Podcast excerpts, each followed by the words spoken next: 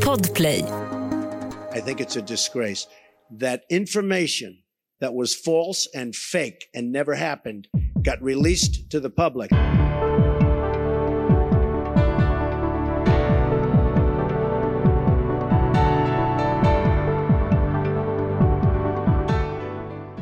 Hej och välkommen till podden Sjuka fakta. En intervjupodd där vi i varje avsnitt behandlar ett nytt ämne med avstamp i myter och föreställningar med en av vår tids experter på respektive ämne. Simon Krös heter jag, hälsopedagog och läkare.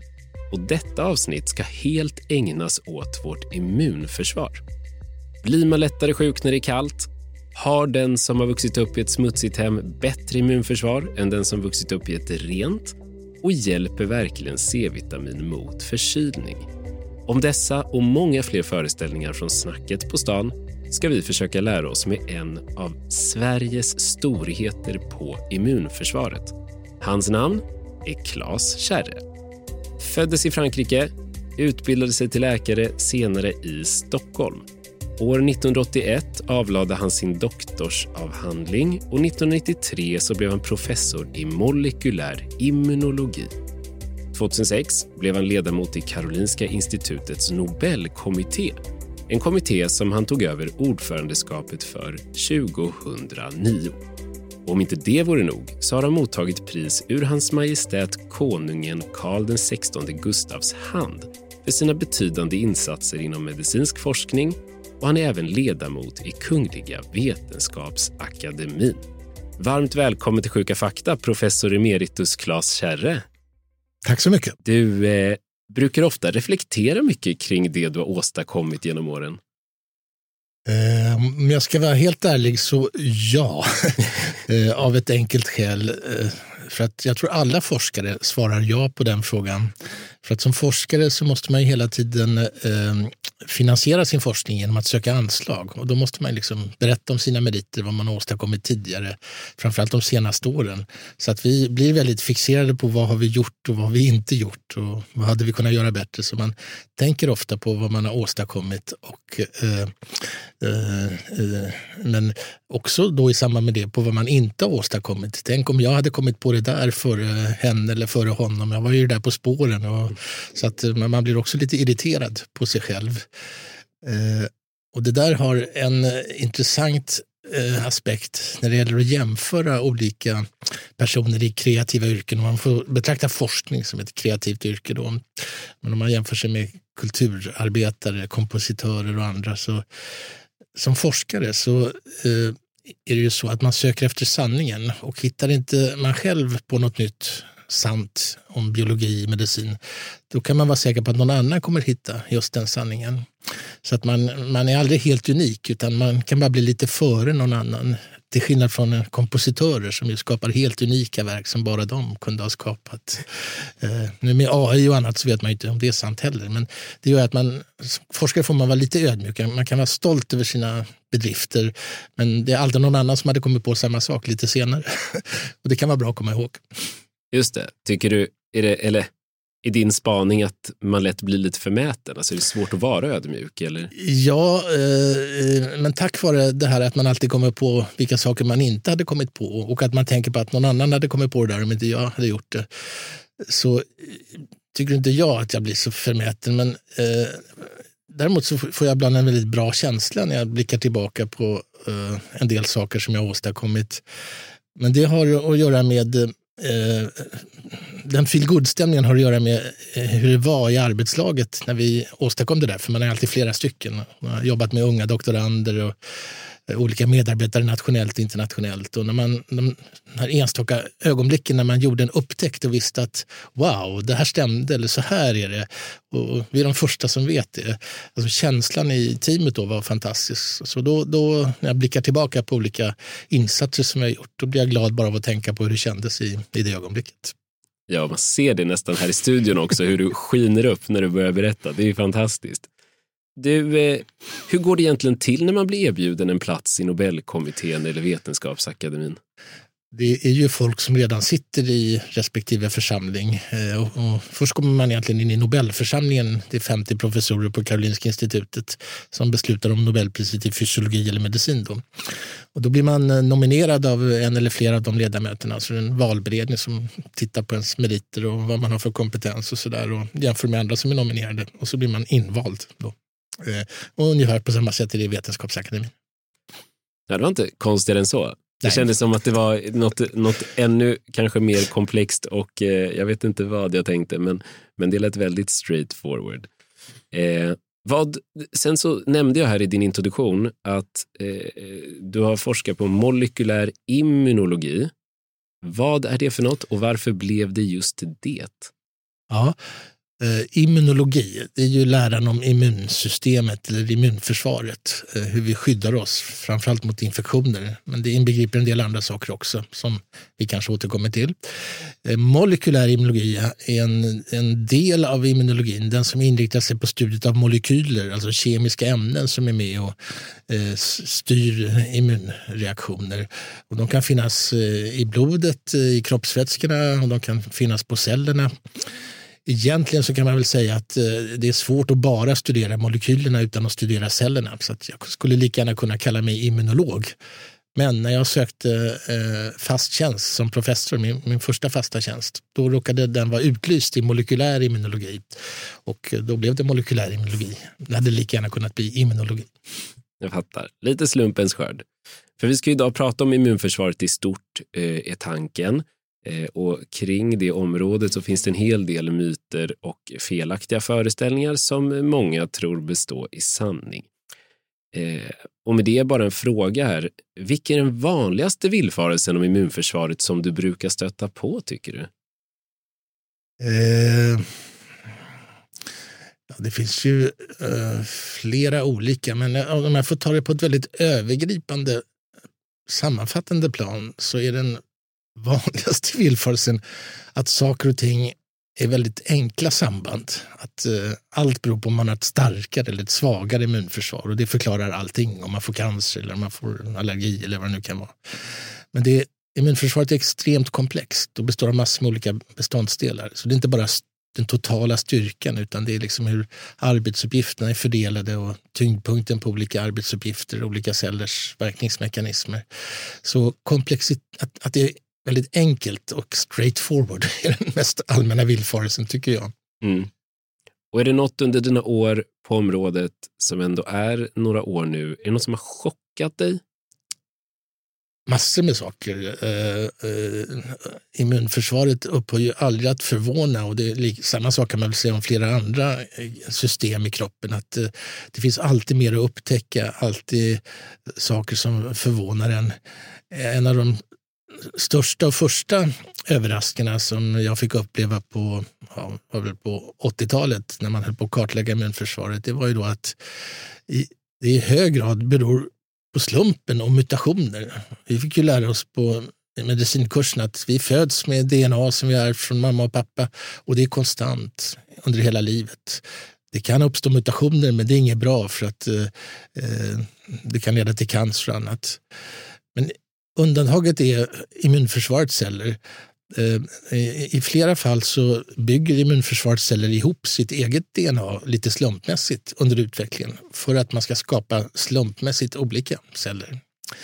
Och det var ju enormt förvånande och gick rakt emot alla dogmer.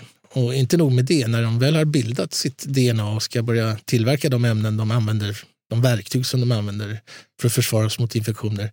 En del av cellerna uppmuntras då att skapa nya mutationer för att verktygen ska bli bättre under resans gång.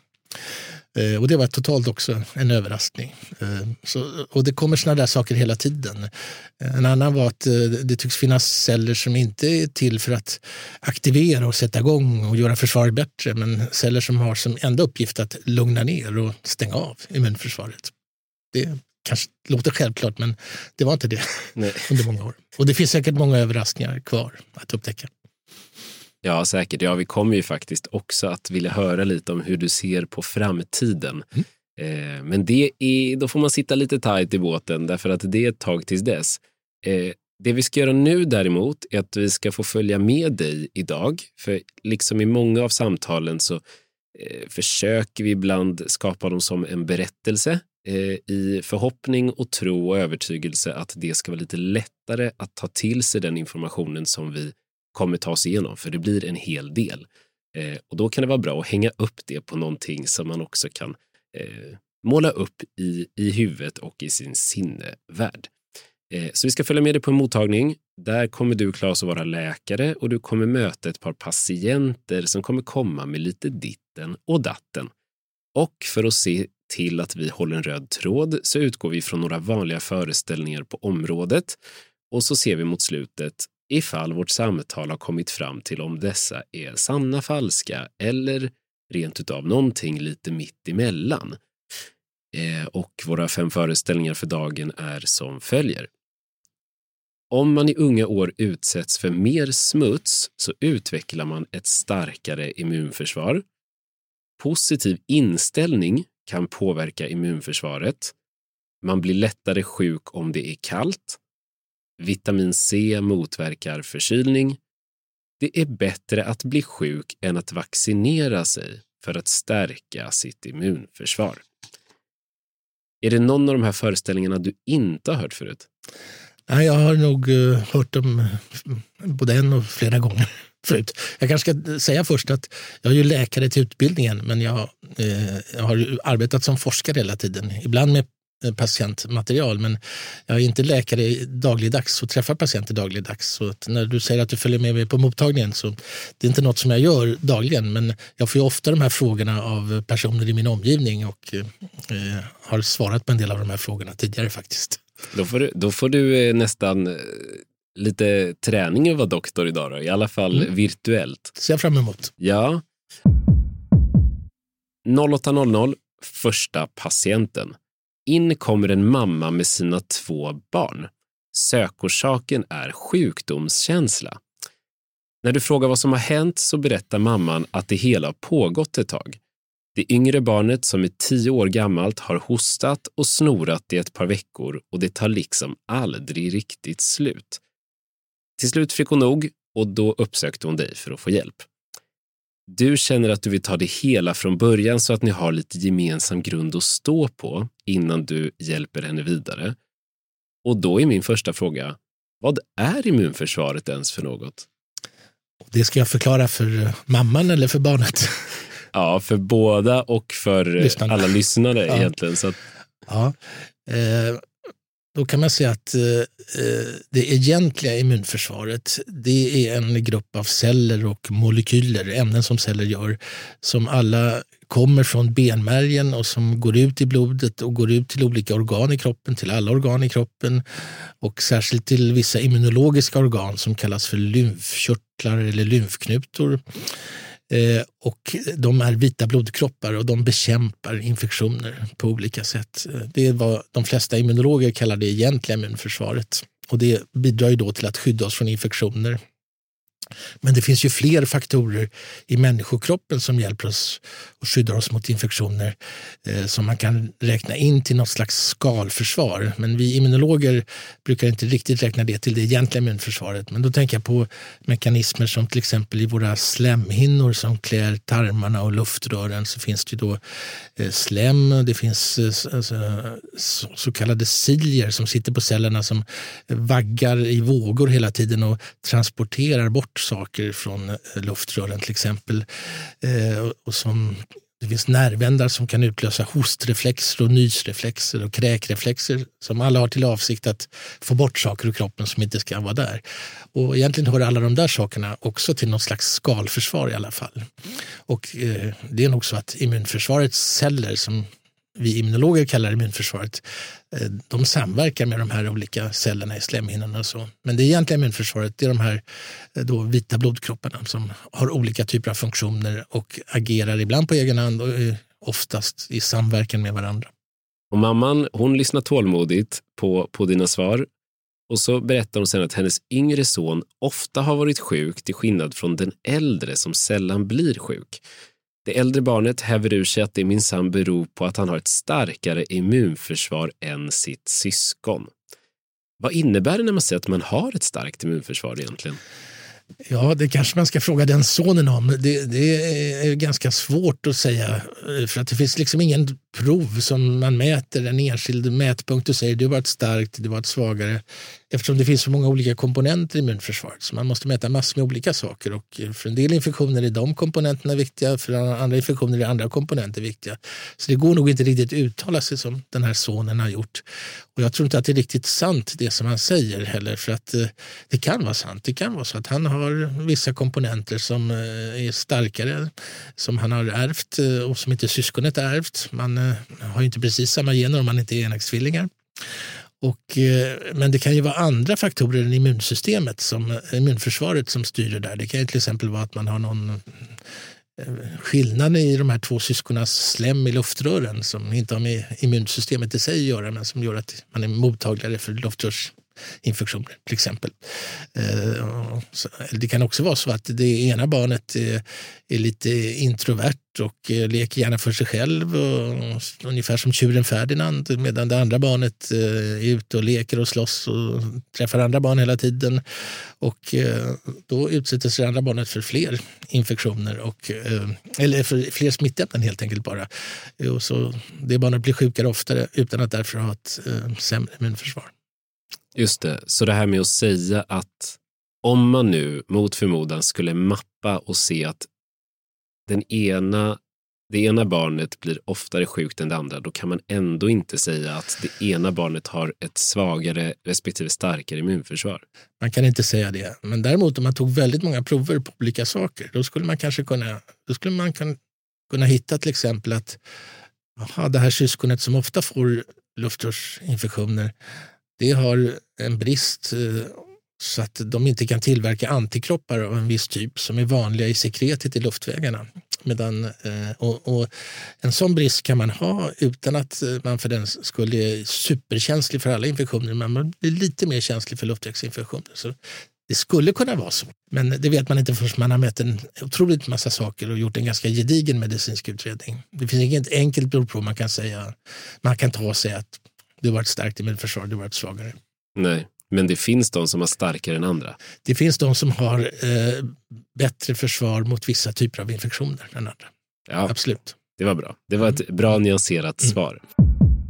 Mamman avbryter sin äldre son och förklarar för dig att de har fått det bättre ekonomiskt ställt de senaste åren, där hon under den äldre sonens första år levde trångt inte hade samma möjligheter till hygien som hon nu har med de båda sönerna.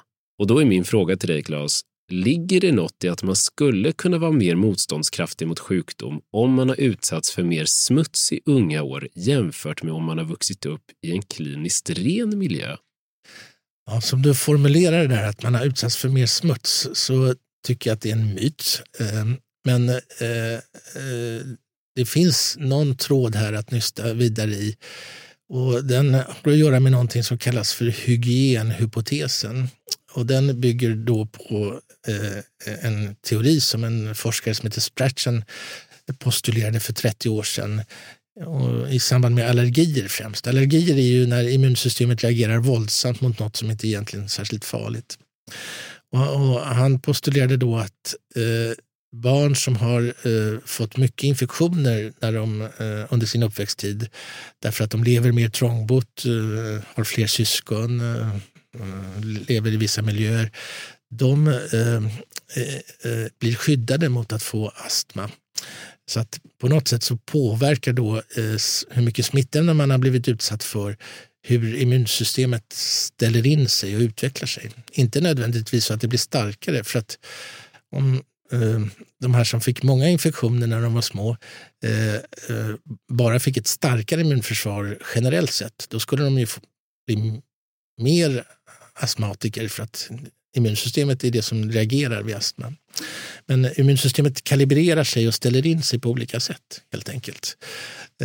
Och basen för hela den här hygienhypotesen den, eh, det är att eh, man observerade att eh, från ett streck i tiden, ungefär 1950, och ett streck i geografin längs järnridån så observerade man att från och med 1950 så utvecklades allergier explosivt i västvärlden, men inte öster om järnridån.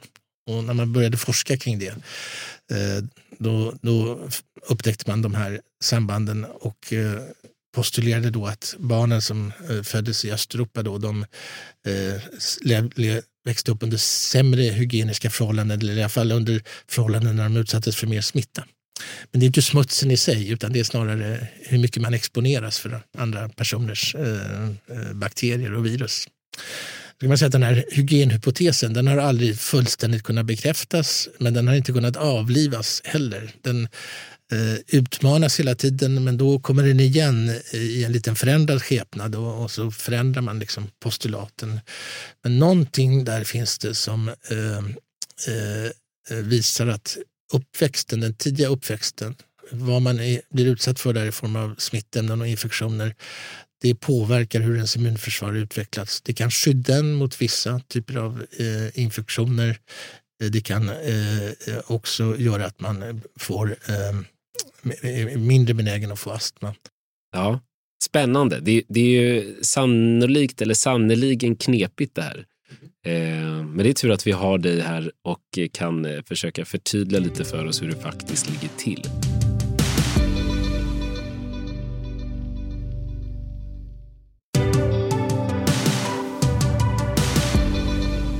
Vi ska eh, släppa mamman och de två barnen och så ger vi oss vidare till nästa patient som är 40-åriga Micke. Han är en man som tycker om att testa sina gränser och du får snabbt känslan av att han är lite av en äventyrare. Nu ska han faktiskt iväg och resa där målet med resan är att stärka sitt immunförsvar. Samtidigt förtydligar han att han inte vill riskera att bli sjuk under sin resa då det skulle påverka hela syftet med resan. Så det han gör då är att han börjar med att berätta om hur han fick inspiration till att stärka sitt immunförsvar genom den holländske äventyraren vid namn Wim Hof, som är en man som klarar av extrem kyla och menar att han genom andningsövningar och mental fokusering kan kontrollera sin termostat liksom sitt immunförsvar. Och det här sägs förundra och fascinera forskarvärlden. Och då är min fråga först och främst här, Claes.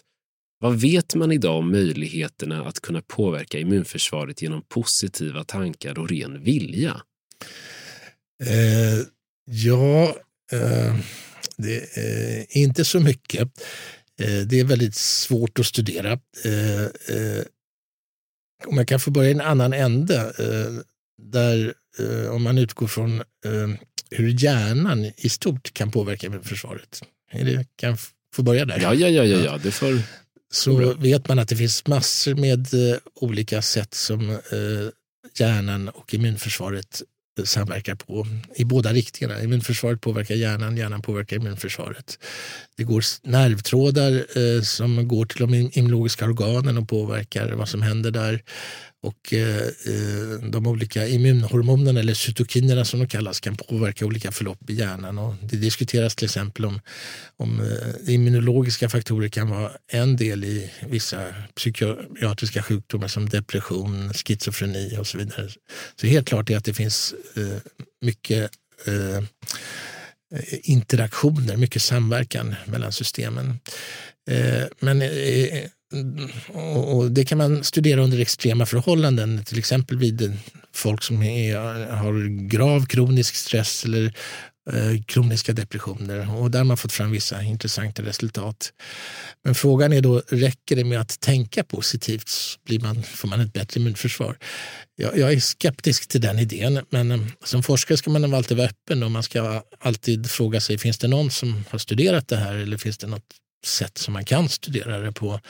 Och jag har sett en artikel där man eh, faktiskt försökte studera detta genom att man tog ett antal personer som man Eh, hade kartlagt redan i en stor studie och så bad man dem tänka på positiva saker och eh, negativa saker i turordning och så mätte man aktiviteten i ett visst centrum i högra hjärnhalvan som sägs vara förenat med positiva tankar. Och de som hade väldigt mycket aktivitet när de talade om tänkte positiva saker, då, då studerade man vissa eh, immunreaktioner hos dem och fann att de var starkare. Och, och så, så, det har lanserat som ett stöd för den här hypotesen att folk som tänker mycket positivt har också bättre immunförsvar. Och, så, eh, och det är liksom lite indirekt då, att man har mer aktivitet i det här speciella hjärncentrumet då, eh, så har man också bättre immunaktivitet. Eh, och det bevisar ju inte riktigt att positiva tankar leder till ett bättre immunförsvar.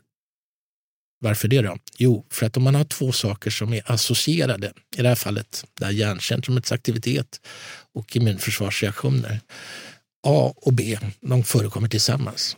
Och det kan då bero på att A orsakar B. Det kan bero på att B orsakar A. Det kan alltså vara så då att det är immunförsvarets aktivitet som gör att man får ett bättre utvecklat sånt här hjärncentrum. Men sen kan det också vara att C, en tredje faktor, orsakar både A och B. Så att det, det liksom finns inget orsakssamband alls mellan de två första. De samvarierar ändå. Så innan det där är utrett så skulle jag vara försiktig med att dra slutsatsen att man kan påverka sitt immunsystem med att tänka positivt. Men man kan ju, det finns ju gott om evidens för att man kan eh, påverka psykiatriska tillstånd genom eh, eh, positiva tankar som man gör inom sån här kognitiv beteendeterapi. Så det är inte fel att, att pröva att tänka mer positivt, tänker jag. Ja, precis. Och så får man väl se vad, vad forskning kan visa framöver om, mm. Mm. om det sambandet. En grej jag ville ta upp här bara, eh, på tal om det här med Wim Hof, det är att han eh, sägs ju klara extrem kyla utan att bli sjuk. Men samtidigt kallar vi det här med snuva, hosta och krassligt mående för förkylning. Och det där eh, lärde jag mig genom att läsa lite kommer ursprungligen från, från humoralpatologin. Eh, och det var en gammal medicinsk lära eh, för ett par eh, år sedan kan man säga, där man ansåg att balansen i kroppen berodde på eh, en balans mellan våra fyra vätskor som var alltså blod, slem, gul och svart galla. Och då ansåg man helt enkelt att sjukdomen berodde på att vi var för kalla. Men vad säger forskningen idag? Ja, eh, det här talades det rätt mycket om under pandemin eh, i samband med coronavirus men också andra virus. Och det tyckte jag kom ut rätt väl i media och pressen där man förklarade vad som gäller egentligen. Och det är då att det är ju faktiskt lite vanligare med eh, framförallt luftvägsinfektioner under den kalla årstiden. Så att fler blir sjuka av kylan uppenbarligen då. Men det betyder ju inte att det är kylan i sig som orsakar sjukdomen. För att det ska bli en infektion så måste det alltid finnas virus eller bakterier, så det är ju de som orsakar infektionen. Men under de kalla vintermånaderna så eh, påverkas våra slemhinnor i luftrören till att bli lite eh, sämre motståndskraftiga. Så vi blir lite mer känsliga för att bli infekterade. Och eh, det är också så att vi tillbringar mer tid inomhus nära varandra och kan hosta på varandra och så vidare. Och det är ett annat skäl till att infektionerna blir vanligare.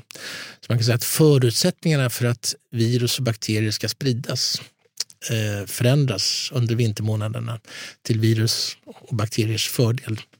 Men det beror ju ytterst på virus och bakterier, inte på att det är kallt i sig naturligtvis. Men, men lite, lite, sanning ligger det ju då i att eh, kylan är med och bidrar till, till att det blir flera som blir sjuka.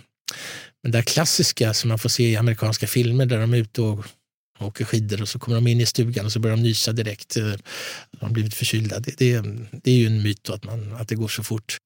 Om du hade fått byta namn på eh, förkylning så att det blir mindre risk för missförstånd, mm. vad hade du bytt till? Ja, då, jag tror att en term som redan finns och som används mycket inom sjukvården det är luftvägsinfektioner eller övre luftvägsinfektioner. Men jag vet inte hur mycket man ska anstränga sig för att ta bort ordet förkylning. Det är en, en del ord finns där. Och liksom, kan få vara kvar där. Kanske, kanske få vara kvar där. Men, men det, det, du har rätt, det är mer korrekt att säga luftvägsinfektion. Micke ska iväg på en resa till Sydamerika visar det sig. Det är det han, samma Micke? Det är samma Micke. Det, finns bara, det finns en Micke idag eh, och det är fortfarande samma Micke. Han ska iväg på en resa till Sydamerika där han ska genomgå en rituell immunförsvarsboost som inte är helt ovanlig i den här delen av världen som går under namnet Kambo eller Sapo tror jag det uttalas.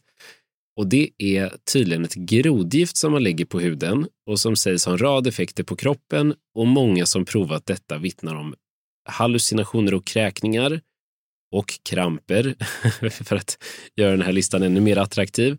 Eh, men i efterförloppet då även en känsla av renhet och lättnad och lite mm. som ett, en pånyttfödelse. Och då är min fråga, vad vet man om dessa ritualer och dess effekt på immunförsvaret? Eh, eh, jag har faktiskt hört talas om det här för att jag eh, intresserade mig en gång i tiden för att läsa eh, litteratur om så kallade antibakteriella peptider. Det är antibakterieämnen, naturliga antibiotika som eh, olika djur kan göra, inklusive människan. Så att en del av våra immunförsvarsceller i frontlinjen gör såna här eh, peptider, små proteinbitar som går mot bakterier. Och grodor har mycket av dem i sitt naturliga försvar. De utsöndrar något slags sekret på huden. Jag vet inte om det här, just det här grodgiftet kommer från huden men, men de eh, försvarar sig mot omvärlden med eh, en blandning av olika antibakteriella peptider och andra gifter som ska liksom döda av insekter och annat. Eh, så att, eh, det är ingen tvekan om att det är grod, så kallat grodgift, jag vet inte om det finns i just det här, att det kan finnas ämnen som motverkar infektioner. Eh, men det här, det, här, det här låter som att det, det, är någonting som påverkar andra saker också. Man kan få hallucinationer och annat. Och, och eh, det är ju så att eh, vi tenderar ibland att tänka att allt som finns i naturen är eh, i genomsnitt eh, mycket bättre än det som vi gör artificiellt. För det blir man sjuk av och det som finns i naturen det är naturligt och eh, det kan bara vara hälsobringande. Men naturen är ju grym och det finns ju massor med naturliga ämnen som olika djur och växter gör som är jättegiftiga för att de är försvarsmekanismer för att eh, ta livet av deras, de rovdjur som kommer att försöka äta upp dem. Jag kan, jag kan tänka mig att det här grovgiftet är en blandning av en massa med olika saker där en del kanske är bra mot infektioner, som de här antibakteriella peptiderna. Men där andra är kanske lite mindre nyttiga som framkallar hallucinationer och eh, man känner sig väldigt ren efteråt. De kanske framkallar någon slags sveda eller någonting sånt där som, som gör att man inte mår bra. Så jag skulle nog vara lite försiktig.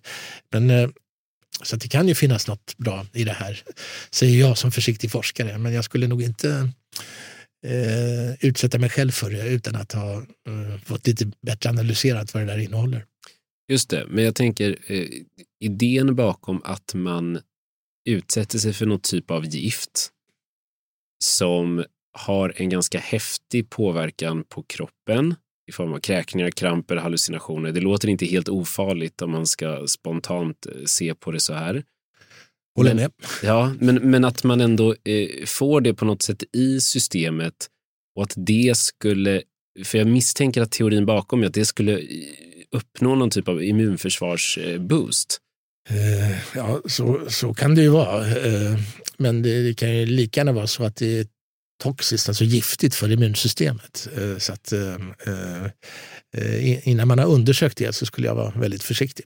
faktiskt. Men det går ju att undersöka. Det, Ja, precis. Men du kan inte principiellt säga att om du stoppar i dig någonting giftigt som får immunförsvaret att jobba så kommer du gå därifrån segrande med ett starkare immunförsvar. Eh, nej, det skulle jag eh, inte vilja säga. För att det, det, kan lika gärna vara så att det som eh, finns där och får immunsystemet att jobba är väldigt giftigt för immunsystemet. Så att, eh, men det går ju att undersöka. Det är ja. det som är, är, det viktiga. Ja, ja, absolut. Man kan forska på allt. Ja, ja, det, det, är det fina, man kan få reda på allt. Men bara så att man liksom får med sig att det, ja. det, ena behöver inte innebära det Nej. andra. Du förklarar noggrant för Micke vilka risker som finns med en sån här ritual som han vill ge sig iväg på och han börjar svara med att han googlat fram olika födoämnen som kan både stärka immunförsvaret och parera mot eventuellt sjukdom inför ritualen om det skulle bli nödvändigt. Och nu, Claes, ska jag komma med ett par påståenden som man ofta kan möta ute i eten som sägs kunna ha olika positiva effekter på immunförsvaret eh, eller som sägs kunna förhindra sjukdom. Det är ändra än det andra. Eh, och det jag egentligen vill höra från dig då, eller veta, är om det är sant, falskt eller kanske halvfabrikat, någonting mittemellan. Mm. Och en kortare utläggning är också okej. Okay. Ja. Vitpeppar fungerar mot vinterkräksjukan. Eh, det har jag läst om någonstans, men jag har också läst att det är en total myt. Eller att det, det finns inte bevisat i alla fall. Det kanske inte är motbevisat heller. Men, men det finns inga större studier som uh, ger något stöd för det. Men det är ganska vanligt att saker som är väldigt uh, eh, Eh, starka och ger en väldigt eh, kännbar effekt. Som det här grovgiftet kanske också. Men peppar det är ju starkt och liksom man känner att oh, eh, någonting händer här. Eh, sådana ämnen har nog en, en rätt god placeboeffekt kanske. Men, eh, så jag kan tänka mig att vitpeppar har lite placeboeffekt. Men jag har aldrig sett något bevis på att det skulle stärka immunförsvaret eller förhindra vinterkräksjuka.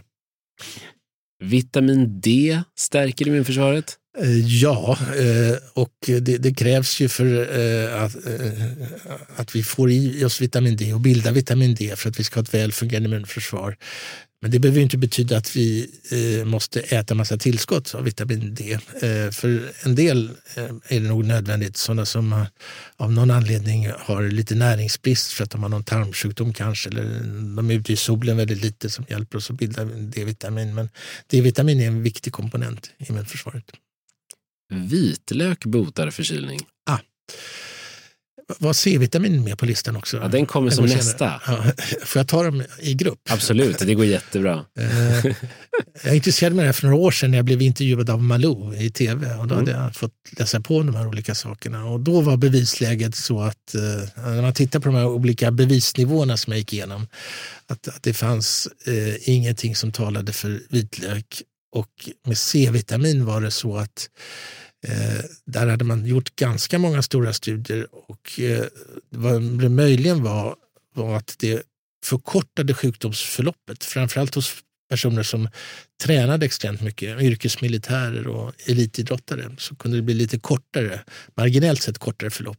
Eh, och möjligen skydda lite grann mot insjuknande, men det var en mindre tydlig effekt. Så C-vitamin kanske hade en effekt, vitlök inte alls. Nu eh, eh, inför den här intervjun, eh, för jag misstänkte att de skulle komma upp, så eh, har jag faktiskt tittat på de senaste så kallade metastudierna. Metastudier, vad är det då? då? Jo, det är när en forskare sätter sig och går igenom hela forskningslitteraturen och tittar på ett stort antal undersökningar som har undersökt ungefär samma sak, till exempel C-vitamin. Och sen eh, sorterar forskaren bort de undermåliga studierna, de som inte riktigt håller kvaliteten och sen så slår man ihop resultatet från alla andra och så försökte man komma fram till en sanning. Då. Och där var det så då att man hade tittat bland annat på influensainsjuknande och, eh, och hade tittat på en rad olika saker som man kunde göra för att förhindra att man skulle bli influensasjuk. Och då var det åtta saker som funkade. Och det var sex stycken influensavacciner, föga förvånande. Det var en Parkinson-medicin, amantadin, som också man vet har en antiviruseffekt. Och så var det, visserligen svagt men ändå statistiskt signifikant, vitlök. Mm. Och eh, det intressanta var att vitlök inte förkortade sjukdomsförloppet eh, utan det bara förhindrade att man blev sjuk. Eller det förhindrade inte fullständigt men det var något färre som insjuknade. Eh, så att, eh, tydligen då så kanske vi inte ska skriva av vitlök helt från listan. Och det finns också en del teoretiska resonemang. När man mosar en vitlök så bildas det vissa ämnen som är, är väldigt reaktiva för de har svavel i sig. Det är därför det luktar om vitlök på det sättet som det luktar. Och det skulle kunna ha någon slags effekt. Men där krävs det mer forskning. Det som slår mig när jag tänker på det där är att om det är väldigt bra på att förhindra att man blir infekterad men inte att det förkortar infektionen, då kanske det egentligen är bra för att hålla eh, smittan borta. Och det kan det vara att om man, för i de här studierna måste man äta ganska mycket vitlök. Och äter man väldigt mycket vitlök då, då tenderar ju folk i ens omgivning att hålla Anders Tegnell-avstånd på något sätt. Mm. På tunnelbanan, även i familjekretsen. Så det kanske helt enkelt är så att man stinker så mycket så att eh, man inte blir smittad. Vem vet? Men, men eh, det finns i alla fall liksom lite vetenskaplig evidens för folk som, att folk som äter stora mängder vitlök Eh, och sen, eh, men i den här studien så var C-vitamin med också och där kunde man inte visa någon effekt i den studien. Så att C-vitamin eh, eh, ligger väl på gränsen sådär. Va? Möjligen för folk som idrottar väldigt mycket och folk som anstränger sig väldigt mycket fysiskt. Och man vet att sådana människor eh, är mer känsliga för infektioner. Att träna och normalt och ha fysisk aktivitet, det är bra för immunsystemet. Eh, så det ska man göra.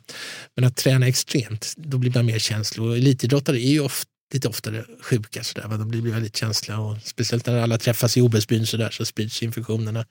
Man är supertränad. Ehm, så att eh, C-vitamin kanske har en liten effekt på dem men eh, just nu så för mig så ligger vitlök högre på listan än C-vitamin. Då. Ja, men det är bra. Ska vi börja bunkra på med vitlök tror jag. Eh, honung är lika bra som hostmedicin.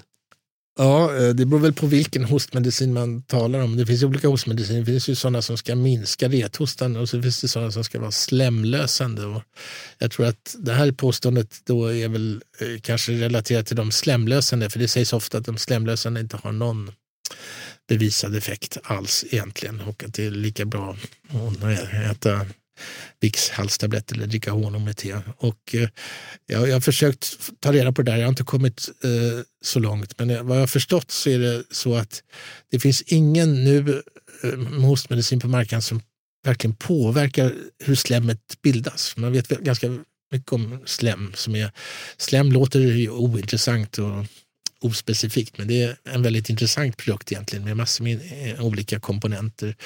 Och det finns ingen medicin som påverkar eh, eh, på ett känt sätt hur exakt slemmet bildas. Och, eh, sen finns det då möjligen mediciner som gör att det löses upp bättre, men de, de har tveksamt bevisvärde. Så det är möjligt att honung är lika, lika bra eller lika dåligt. Kanske man ska säga. Och sista, Probiotikan i yoghurt mm. stärker mm. immunförsvaret och stärker tarmfloran. Ja. Och probiotika kanske vi ska förklara vad det är. Då. Det är bakterier i, i eh, yoghurt, till exempel filmjölk och annat som anses hälsobringande och eh, eh, kan då eh, både aktivera men också lugna immunförsvaret. Vi ska komma ihåg att vi lever med stora mängder tarmbakterier som är främmande men som immunsystemet inte kastar ut och som bland annat har till uppgift att skydda kroppen från andra farliga bakterier. Så ibland är det bra med bakterier. Och då finns det olika probiotika där man har isolerat bakteriestammar som då sägs ha en särskilt bra effekt. Och eh, det är väldigt populärt att diskutera tarmfloran, eh, bakteriefloran i tarmen. Och tanken är då att om man påverkar den med bakterier som finns i yoghurtkultur och annat så skulle man kunna få gynnsamma effekter. Det finns väldigt lite evidens för det, men det finns en del ändå som eh, gör oss eh, lite hoppfulla att vi ska forska mer om det. Eh, jag ska ta en negativ och en positiv studie. För några år sedan så fanns det en teoretisk tankegång om att man skulle kunna behandla en väldigt farlig infektion, inf in, förlåt, inflammation, inflammation i bukspottkörteln som är en väldigt plågsam och smärtsam och livshotande infektion i många fall. Att man skulle påverka det med probiotika. Och då gjorde man en stor kontrollerad studie på den här tredje nivån i Holland där man delade in alla patienter som kom in på sjukhuset i två grupper. En del fick probiotika andra fick inte. Som hade. Och den studien fick man avbryta i förtid för att eh, eh den etiska grupp som kontrollläste resultaten före forskarna fick dem fann att eh, de som åt probiotika de fick inte fler infektioner men de dog i högre utsträckning. Så här hade probiotika rakt motsatt effekt. Och det, det gavs till och med någon förklaring i studien varför det var på det sättet. Vad visar det här? Jo, det visar ju då att probiotika Eh, kan ha effekter, men ibland ogynnsamma. Eh, sen finns det en annan positiv studie och det är den enda där probiotika visar sig ha en klar effekt. Eh, och den, den låter lite snäv och konstig, men jag ska förklara på slutet varför det är så viktigt. Och det är folk som har eh, inflammatoriska tarmsjukdomar som ulcerös kolit och morbus Crohn som är sjukdomar i tarmen och där man ibland får operera bort tjocktarmen och lägga ut en tarmsnuts som tömmer sin påse på magen. Det kallas för stomi. Då. Och eh, kirurgerna kommer på då att eh, för att patienten ska slippa den här påsen så kan man bygga en liten tarmficka och lägga innanför bukväggen istället. Så tömmer sig eh, avföringen där och sen får man själv sticka in ett rör då och tömma ut den där när man går på toaletten. Man slipper påse på magen. Och, och, den där lilla fickan av tarm den kallas för pouch då på engelska. Och då kan man få pouchit, alltså inflammation i den där fickan. Det är ganska vanligt hos de patienterna som har det. Och där har man i kontrollerade studier visat att en viss typ av probiotika, jag tror att det här var en holländsk studie också men jag minns den är fenomenalt bra på att bota den här eh, inflammationen faktiskt. Eh, och det är den enda stud väl kontrollerade studie som har visat en, en bra effekt. Men Eh, varför är den då så viktig? Jo, för den visar ändå att proof of principle. Den visar att här finns i alla fall en situation att man kan påverka eh, en inflammation i en eh, kroppsdel genom att ge probiotika. Så kan man bara studera det lite noggrannare och lära sig varför är det så just för den här och kan man dra några lärdomar från det för att påverka även vid andra sjukdomar. Så någonstans finns det en, en liten tråd att nysta vidare i det här med probiotika. Och det finns ju mycket nu som skylls på bakteriefloran, att den är olika mellan olika individer. och Man kanske kan påverka den. Och det kanske är på det här sättet att eh, alla är vi olika. Vi har behov av lite olika justering av vår tarmflora. Så att eh, en del människor kanske mår lite bättre faktiskt av att, precis som de här som fick inflammationen i tarmfickan där. Så om man äter någon speciell yoghurtsort och filmjölkssort eller vad det nu kan vara och tycker att man mår bättre av det, då tycker jag man ska fortsätta. Så det, det, finns alltså, kan finnas så individuella variationer mellan människor men att därifrån rekommendera alla att äta en viss probiotika, där är vi inte ännu. Där är vi inte ännu. Nej.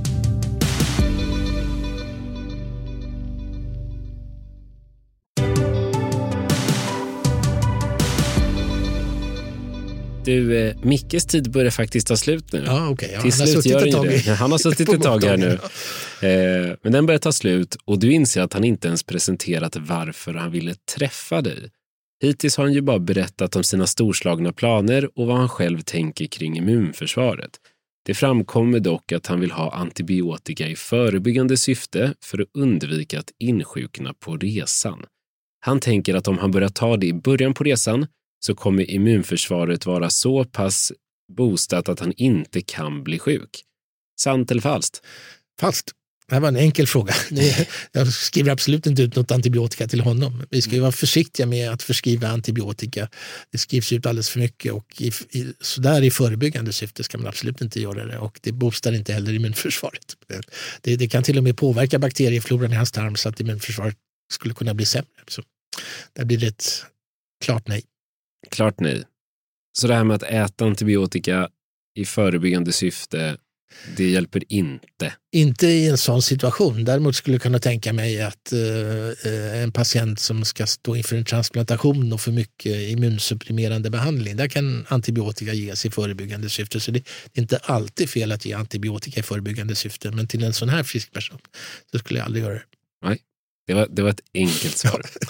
du, eh, då börjar det bli dags för dagens och förmiddagens sista patient.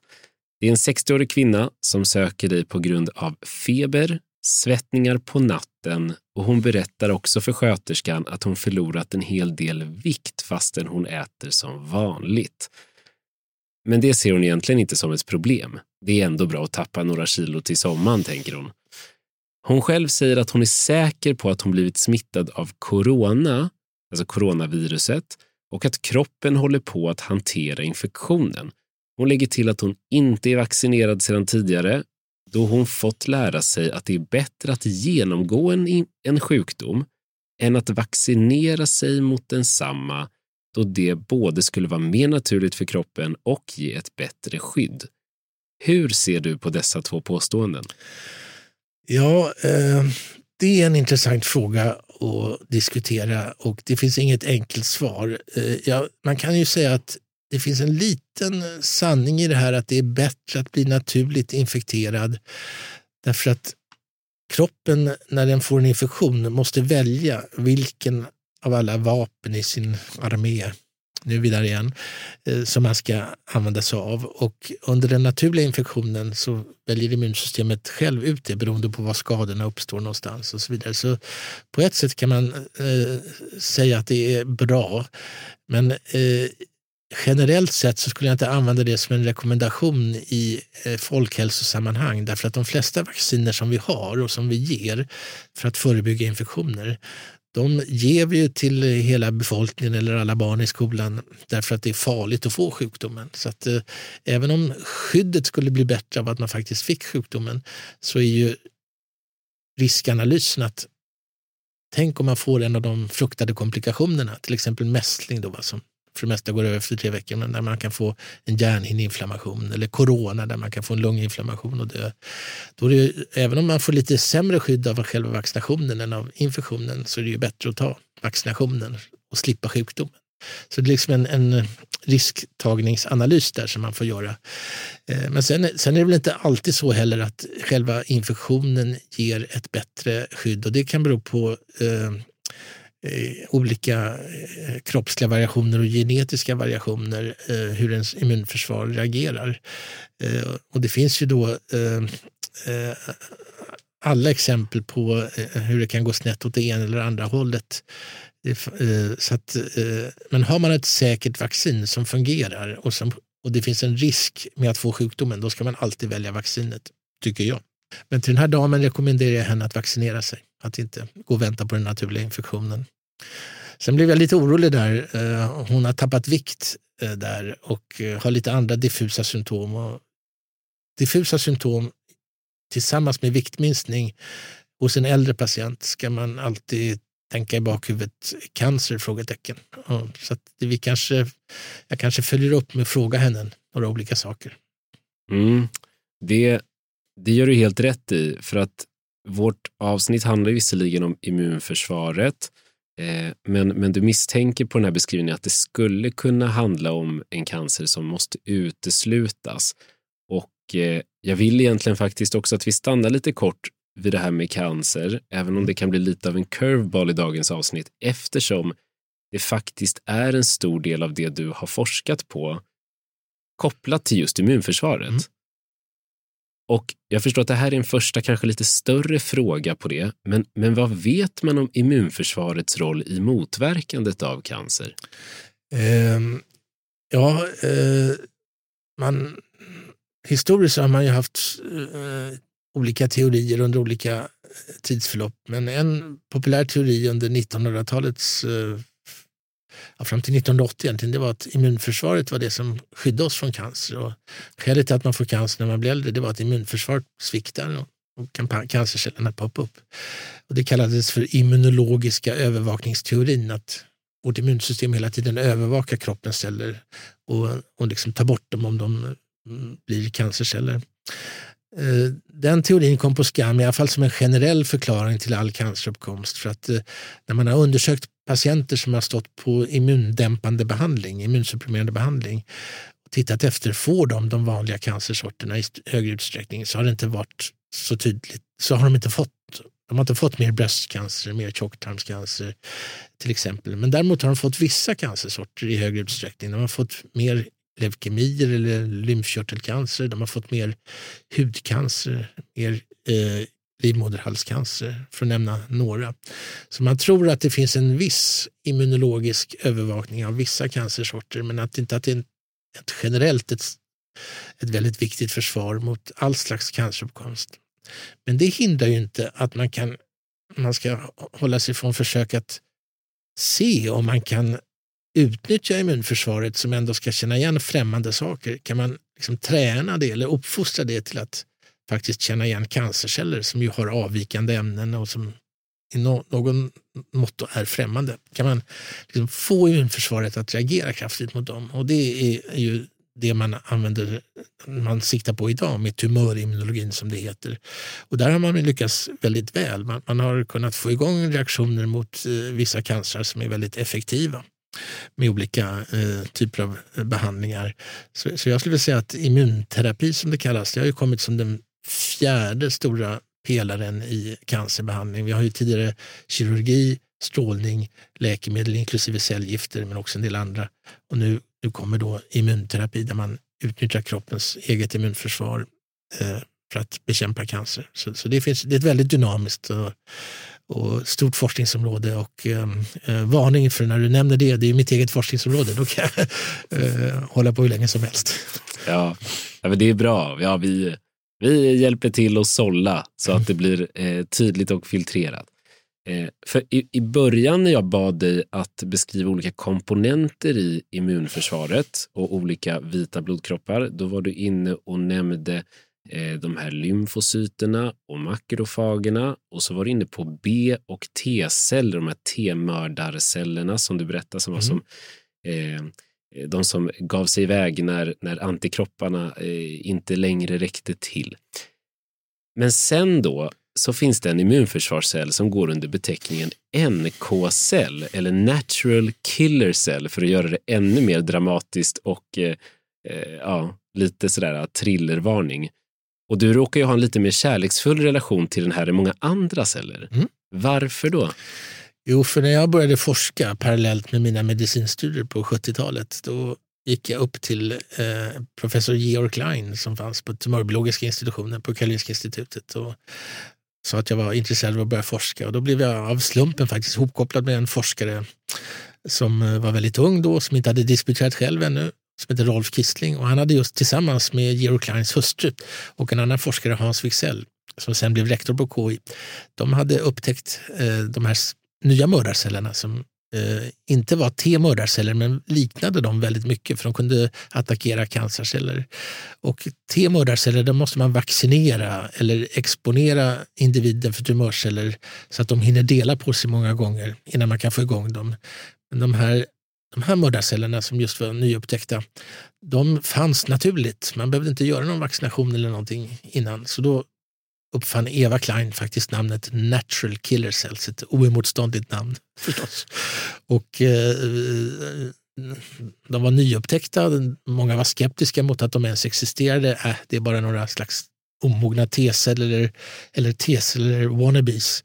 Eh, men vi forskade på dem där och började kartlägga dem och eh, det blev liksom en, en eh, lång kärleksrelation som har varit hela mitt liv. Att jag har hållit på och fördjupat mig i de där cellerna och undersökt dem, hur de fungerar. Och hur bland annat de kan attackera cancerceller. Just det, för det visade sig inte vara några, några celler man redan kände till heller. Nej, man, nej de, de, de uh, hade inte beskrivits tidigare och uh, många var väldigt skeptiska uh, mot dem. och det tog lång tid innan de blev respekterade att studera faktiskt men de är intressanta. Ja, och du nämnde för dem, de är också med i studierna och forskningen av hur man kan behandla cancer. Aha. Så att nu är vi inne lite på det här med behandling eh, och för att ta oss in i lite olika delar av det här med behandling mm. av just cancer när det kommer till det här med immunterapi, att man mm. använder immunförsvarets mm. eh, olika beståndsdelar. Så, så kan vi väl börja i änden att det finns mediciner som cancerpatienter kan stå på som försvagar immunförsvaret. Du var inne på det förut ja. och nämnde eh, bland annat eh, transplantation som en anledning till att stå på sådana här immunsupprimerande. Mm. Men min fråga är egentligen, varför skulle man vilja försvaga det med flit om immunförsvaret skyddar oss? Nej, det vill man ju inte, men uh, anledningen till att man ger cellgifter då, som är de här som försvagar immunförsvaret, det är att de i första hand försvagar cancercellerna. De, de ger sig på alla celler som delar på sig snabbt. Men det gör även T-mördarcellerna och andra celler i immunförsvaret. Så att som en biverkan då får, så motverkar man immunförsvaret. Och, och så, så det, det, är helt rätt. De, de attackerar cancercellerna men motverkar då kroppens försvar i den mån det finns något mot cancercellerna. Så att eh, då måste man liksom nu när man har fått nya immunterapier, då måste man lära sig hur man ska utnyttja och kombinera dem optimalt med cellgifterna. Det kanske inte är läge att ge dem samtidigt. Eller, säger en del forskare, det är läge att ge dem samtidigt för att vi vet att när man ger cellgifterna då dör väldigt många cancerceller och så släpper de ut sina ämnen som immunförsvaret reagerar mot. Och då det är då man ska verkligen ge immunterapi. Så trots att immunterapin kommer då vara eh, lite motverkad av cellgifterna så fungerar den kanske optimalt när man har dödat en mängd cancerceller redan. Så allt sånt där så måste man nu börja bena upp och lista ut och testa ut i djurförsök. Hur ska vi kombinera eh, det här både med cellgifter men också med strålning som också kan verka lite immunsupprimerande, säger vissa forskare. Andra säger tvärtom. När man strålar och dödar cancerceller så släpper man ut ämnen som kanske immunsystemet intresse växer. Så, så det finns mycket spännande och intressant forskning att göra där nu. Och och sen, sen, ska man lägga till också att i, ibland kan man ju komma runt det här genom att man eh, eh, sätter igång immunreaktionerna utanför kroppen. Så en vanlig behandling nu är att man tar ut T-mördarceller eller NK-celler från kroppen på en människa aktivera dem i provrör eller stora flaskor i, i vävnadsodling under flera veckor utanför kroppen. Ibland modifierar man dem till och med genetiskt och stoppar in nya arvsanlag för nya verktyg i dem. Och så ger man tillbaka dem till patienterna och så, då har man ju liksom utvecklat hela immunförsvaret utanför kroppen, utanför cellgifterna och sen ger man tillbaka för att få full effekt. Då, Så det är ett sätt att liksom kombinera dem. Då, men kan man trimma immunförsvaret för andra sjukdomar och tillstånd så att man inte blir sjuk inför exempelvis en sån där resa som Micke skulle göra som skulle ut på äventyr? Ja, när man vaccinerar folk eh, så gör man ju det i princip. Så att, eh, hade han bättre fått vaccin mot någonting som eh, man normalt inte vaccineras mot i Sverige, då hade han säkert kunnat få det. Då, då. Fast man får oftast betala för det själv då, därför att det är förebyggande Eh, eh, syfte. Då.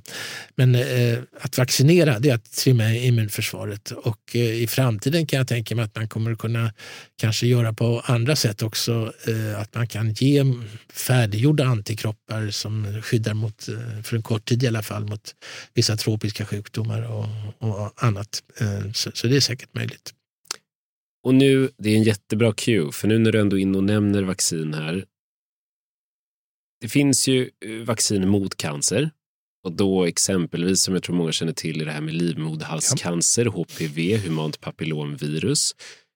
Men skulle du kunna förklara hur immunförsvaret med hjälp av ett vaccin egentligen kan motverka att celler delar sig ohämmat? För det är ju det som är slutresultatet, eller? Mm. Ja, och egentligen kan man nog inte det, så det är en bra fråga. Skälet till att det går att vaccinera mot livmoderhalscancer det är ju att eh, den i 99,9 procent av alla fall beror på att ett virus, HPV då, som du nämnde, har tagit sig in i kroppen och eh, eh, börjat ge eh, omvandling av normala livmoderhalsceller till cancerceller. Och får man bort, kan man vaccinera mot viruset så kan man också då få bort cancern. Och jag ska säga, det, det här viruset ger inte bara upphov till livmoderhalscancer, det kan ge upphov till cancer på andra ställen i kroppen också, men de är mindre vanliga. Men det, till exempel vissa cancer i huvudhalsområdet som kan drabba både kvinnor och män kan man vaccinera mot med, med det här vaccinet. Då. Eh, det finns vissa andra virus som är cancerframkallande, hepatit C-virus och några herpesvirus. Så man skulle i teorin kunna tänka sig att man även där kunde göra vaccin mot cancer. Men det är för att man kan göra vaccin mot viruset. Eh, att göra ett generellt vaccin mot alla andra cancerformer som har uppkommit genom mutationer som man får av att röka, Ehm, eller sola och så vidare. Det är betydligt svårare för att varje persons cancer är unik i sig och har sina egna mutationer. Så då, då, då men i prakt, i, det finns en möjlighet att när man har en patient framför sig som har fått cancer, man har opererat bort den, man är rädd för att den ska komma tillbaka. Kirurgen kanske inte fick bort allt eller man misstänker att det har slunkit iväg någonting. Då skulle man i princip där kunna ta den personens tumör och med ganska stora eh, och dyra bioinformatiska eh, eh, insatser räkna ut vilka främmande ämnen finns det i den här cancern som kan vara grunden för ett vaccin mot just den här patientens cancer. Och så skulle man kunna vaccinera patienten eh, mot sin egen återfall av sin egen cancer. Så där skulle man kunna ut, eh, bygga upp individuella cancervacciner för varje person. Det skulle nog vara väldigt dyrt att göra men det kommer säkert att eh, utvecklas tror jag. För att det finns liksom sån, eh, allting blir ju ändå mycket billigare så småningom. Och till exempel vad som krävs då för att kunna kartlägga vilka främmande ämnen finns det i den här cancern. Då måste man i princip göra ett helt Hugo-projekt på en enda cancer. Och Hugo-projektet, för de lyssnare som inte vet vad det är, det var ett projekt där man på 90-talet eh, kartlade en, en människas arvsmassa egentligen. Och det tog eh, 13 år tror jag och det kostade hur många hundra miljarder dollar som helst eh, och krävde hundratals forskargruppers samarbete. Idag så kan man göra samma sak men det tar några timmar och det kostar tusen dollar. Och man kan kartlägga en, en hel människas eller en hel tumörs arvsmassa på, för en ganska billig kostnad. Så att allting blir otroligt mycket billigare och enklare. Så att det, det som var science fiction för några år sedan, som man, om någon hade sagt det här, ja i framtiden kommer man att kartlägga människors arvsmassa i detalj och deras cancers arvsmassa och så, äh, så glöm det. Äh, men det, det, går att göra idag till, till en inte totalt uh, orealistisk kostnad. Så vem vet uh, vad som kommer i framtiden. Tror du att man någon dag i framtiden kommer att kunna vaccinera mot all typ av cancer? Nej, in, inte... Uh, uh, uh, nej, jag tror inte det. Men alltså, man ska inte teoretiskt sett utesluta det. För man kan ju tänka sig någonting som är gemensamt för alla cancerceller som är främmande som man skulle kunna vaccinera. Eh, men, men det finns väldigt få mutationer som, som finns i alla cancerceller. Men man skulle kanske kunna tänka sig att man eh, gjorde en cocktail med 50 olika vanliga mutationer i cancerceller och vaccinerade med den blandningen. Det kanske, det kanske skulle kunna ha en effekt. Men det är, är mycket osäkert. Ja. Kan jag säga. Vi, vi, vi gör ju så, Claes, vi, vi lämnar patienterna. Eh, du, du, är klar med din mottagning för idag. eh, och, och, nu har vi redan gjort det visserligen, men blicka lite mot horisonten för att reda i vart vi är på väg. Eh, framförallt på det här området i stort. Hur skulle du säga att framtiden och forskning på immunförsvaret ser ut? Uh, ja, uh, jag tror att man kommer att eh, eh, det finns många immunologiska behandlingar som är i bruk idag, både av patienter med allergier, autoimmuna sjukdomar, sådana där immunsystemet angriper kroppen själv, cancer, transplantation, att man kommer få massor med data från patienterna som får de här behandlingarna, där man lär sig mer om immunsystemet. Man kommer upptäcka nya celler. Jag är säker på att inte alla är upptäckta. Man kommer upptäcka nya funktioner hos celler och man kommer att lära sig att kombinera dem på olika sätt. Eh, eh, jag skulle personligen gissa att ett intressant fält där, där det finns ett kunskapslucka idag och där fick jag lära mig av en israelisk bioinformatiker och ingenjör som forskade på eh, på immunsystemet fast han liksom inte var biolog eller läkare. Och han sa att en, en stor brist i alla immunologiska studier är att eh, ni, ni, inte ni tänker inte som ingenjörer reglertekniskt. Eh, alla reaktioner måste ha återkopplingar och feedbackluppar som reglerar och styr reaktionerna. Och det måste finnas ett antal reaktioner där immunsystemet läser av effekterna av sin framfart. Om det skadas väldigt mycket, om man ska skruva på starkare eller stänga av. Så, jag tror att man, ett, ett fält där man kommer att göra mycket upptäckter det är hur immunsystemet regleras i själva infektionshärden eller cancer Eh, Eh, eh, nära, i närheten av cancern. Och, eh, hos de här patienterna som nu behandlas med checkpointblockad, det var när man blockade bromsarna. Där vet man att det är bara sådär 20 till 40 procent av patienterna som ger något svar alls. Och kanske när det gäller lungcancer 2-3 procent som svarar totalt med att cancer försvinner. Och man vet inte varför det är så och varför andra svarar mycket sämre. Och där forskar man väldigt mycket nu på vad som egentligen händer. Eh, eh, och vad, vad, är det som reglerar reaktionerna? Och där finns det mycket spännande eh, som kommer komma ut när man börjar göra avancerad bildanalys av de olika cellerna som ligger i tumören och ser hur, vilka är de mönster som är förenade med att tumören stöts av helt och vilka är förenade med att den växer ut igen. Det tror jag är en, ett spännande forskningsområde. Är det, är det något särskilt som man inte vet om immunförsvaret idag som du skulle vilja ha svar på om du fick bestämma själv? Um, ja, min favoritfråga är den om NK-cellerna. Så jag är ju väldigt bias här. Men, uh, I den forskning vi gjorde om NK-cellerna så kom vi fram till att uh, en hypotes som eh, postulerade att Eh, medan T-mördarceller är bra på att känna igen närvaron av främmande saker så är NK-cellerna bra på att känna igen frånvaron av normala saker. Och eh, det visade sig stämma eh, och det visade sig också att NK-cellerna lär sig vad de ska söka efter för frånvarande molekyler. Och hur de lär sig det, det skulle jag vilja upptäcka. Eh, det finns en del forskning på det och det finns en del ledtrådar men det är inte totalt kartlagt. Vi är inte helt där än, Nej. men kanske snart. Du, eh, vi börjar ju nå upploppet på eh, dagens samtal och avsnitt och eh, då ska vi ju också som utlovat ta och se om vi har blivit lite klokare kring kroppens egna militära beredskap.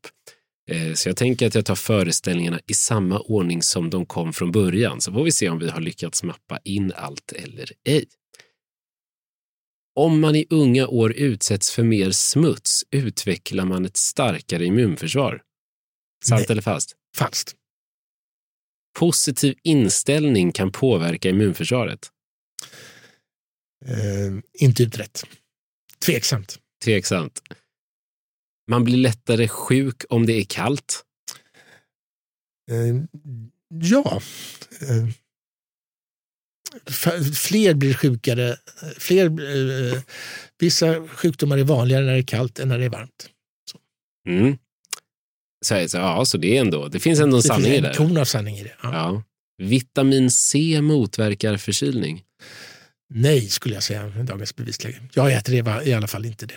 Men om man är hårt tränande idrottsman så kanske har en effekt på att korta ner förkylningstiden. Det är bättre att bli sjuk än att vaccinera sig för att stärka immunförsvaret. Nej, Falskt. falskt.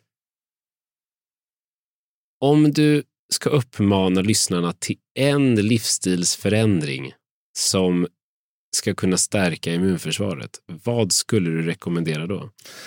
Ja, det, ska, det är inte en livsstilsförändring för att de ska bli friskare, eh, utan det är en, en för att stärka immunförsvaret. just. Ja, eh, Att få hålla sig frisk då? Om det blir för knepigt Ja, med att stärka immunförsvaret? nej, men, eh, rö- jag skulle säga rör på dig mycket och eh, eh, ät eh, blandad, eh, varierad kost. Kan jag säga. Motion och varierad kost. Mm. Ja, det, det är väldigt, väldigt eh, Det var väldigt enkelt. enkelt men, men, men tidlöst. Eh, Tidlös rekommendation.